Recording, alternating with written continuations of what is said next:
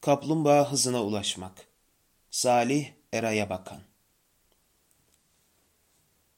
Yeşil ışığın gözleri kapanmak üzere. Can havliyle gaz pedalına asılanlar, başlarını omuzlarına çekerek ışığın öte yakasına geçmeye gayret ediyor. Birbirine karışıyor kornalar. Camdan dışarı uzanıveriyor eller.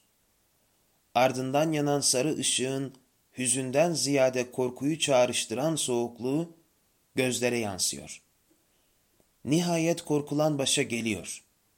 Beklemenin rengi 60-70 saniyelik yerini alıyor. Kimi eller tesbihle, kimi eller pet buluşuyor. Makyaj düzeltmek için yardıma çağrılan eller de var. Hepsinden daha fazla akıllı cihazlara dokunan eller. Baş parmağın misyonu büyük. Gündemi kaçırmak istemeyenlerin imdadına yetişiyor. Bir sonraki ışıklara kadar arkada okunmamış bildirim bırakmamalı. Bir şekilde geçecek 60 saniye. Geçmeli. Çünkü beklemek kırmızıdan daha fazlası. Yeşil ışıktan daha çabuk davranan ellerin kulaklara servis ettiği korna sesleri tekrar yankılandığında bir eziyet bitiyor, öteki başlıyor. Hayallerin, bilincin, tefekkürün trafiği de pek farklı değil. Kimilerinin ahir zaman, kimilerinin akışkan modernite diye adlandırdığı bir eksenin dışına çıkabilmek ne kadar mümkün? Yavaşlamanın bir zaaf belirtisi olarak teşhir edildiği yerde durup düşünmek kolay olmasa gerek. Şehrin meydanında buluşan arkadaşlardan biri diğerine beni bu kadar bekletmeye hakkın yoktu diyor. Muhatabının hikayesini dinlemeden, gecikme sebebini açıklamasına müsaade etmeden, nakdi bir karşılığa dönüşemediği sürece hikayelere pek kulak asılmıyor. Bana masal anlatma diyenler, Küçük Prens'in hikayesini küçümsüyor.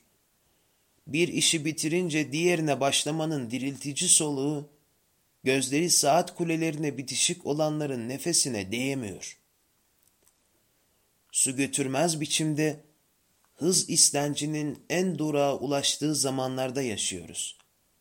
Michelangelo Antoni'nin 1995 yapımı Bulutların Ötesinde adlı filminde geçen bir sahneyi hatırlayalım.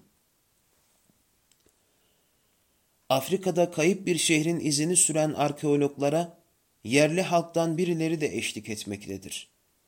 Zorlu iklim koşullarında balta girmemiş ormanlarda uzun mesafeler kat edilir. Ancak yerli halktan bazıları görünürde durmayı gerektirecek bir sebep yokken yüklerini indirirler ve öylece beklemeye başlarlar. Yeni bir şehri keşfetmek tutkusuyla yola koyulan batılı arkeologlar buna bir anlam veremez. Fakat yerliler büyük bir suskunluk içinde sadece bekler. Bu anlaşılmaz durumu yerlilerin dilinden anlayan rehber onlarla bir süre konuştuktan sonra şu şekilde ifade eder. Çok hızlı gidiyoruz. Ruhlarımız geride kalıyor. Muazzam ve baş döndürücü bu hikaye sürekli ilerleme mitini bir kere daha düşünmemiz gerektiğini hatırlatıyor. Hepimiz bir anlamda doğrudan yahut dolaylı biçimde hız kurbanlarıyız. Ruhlarından ayrı vadilere düşen bedenleriz. Kanaat ekonomisi yerine anamalcı bir anlayışı benimseyen ve tüketimi kışkırtmak için her yolu mübah sayan telakkilerin elinde insan sıkışıp kalmıştır.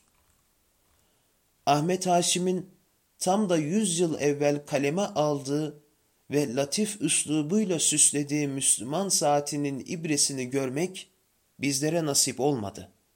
Biraz da bu yüzden hız kurbanıyız. Kurulan hayallerin, görülen rüyaların gece vardiyalarına terk edilmesiyle başlayan bir yarıştayız.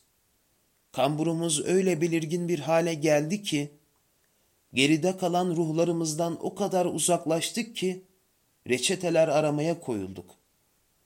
Bu nedenle yavaşlık, yavaşlama felsefesi son dönemlerin hatırı sayılır duraklarından.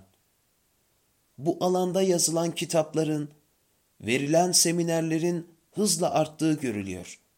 Bu çoğalma kimi sektörlere yağlı kapılar olarak eklemlenecek mi? Yoksa yaralarımıza derman mı olacak? Kestirmek güç. Bir yandan da değil. Rağbetimizin yönü sahih arayışlara doğru oldukça birbirimizin derdini ve yükünü paylaşabileceğiz. Tavşana kaç, tazıya tut denilen oyunda kaplumbağaya yer açmaya çalışmanın kolay olmadığının farkındayım. Ama kadim hikayenin sonunda bitiş çizgisine hızın sembolü tavşandan daha evvel varan kaplumbağa bize bir şeyler anlatıyor. Yavaşlayabilmek belki de modern zamanların en büyük kerameti. Hayallerin ve inançların işgal altına alındığı bir vasatta Malatya yöresine ait şu Türkiye bir kez olsun kulak vermeli. Bu dünyada ölüm var. Ne seni kor ne beni. Dur dur dur sene. Dur bir haber versene. Nida dergisi 205. sayıdan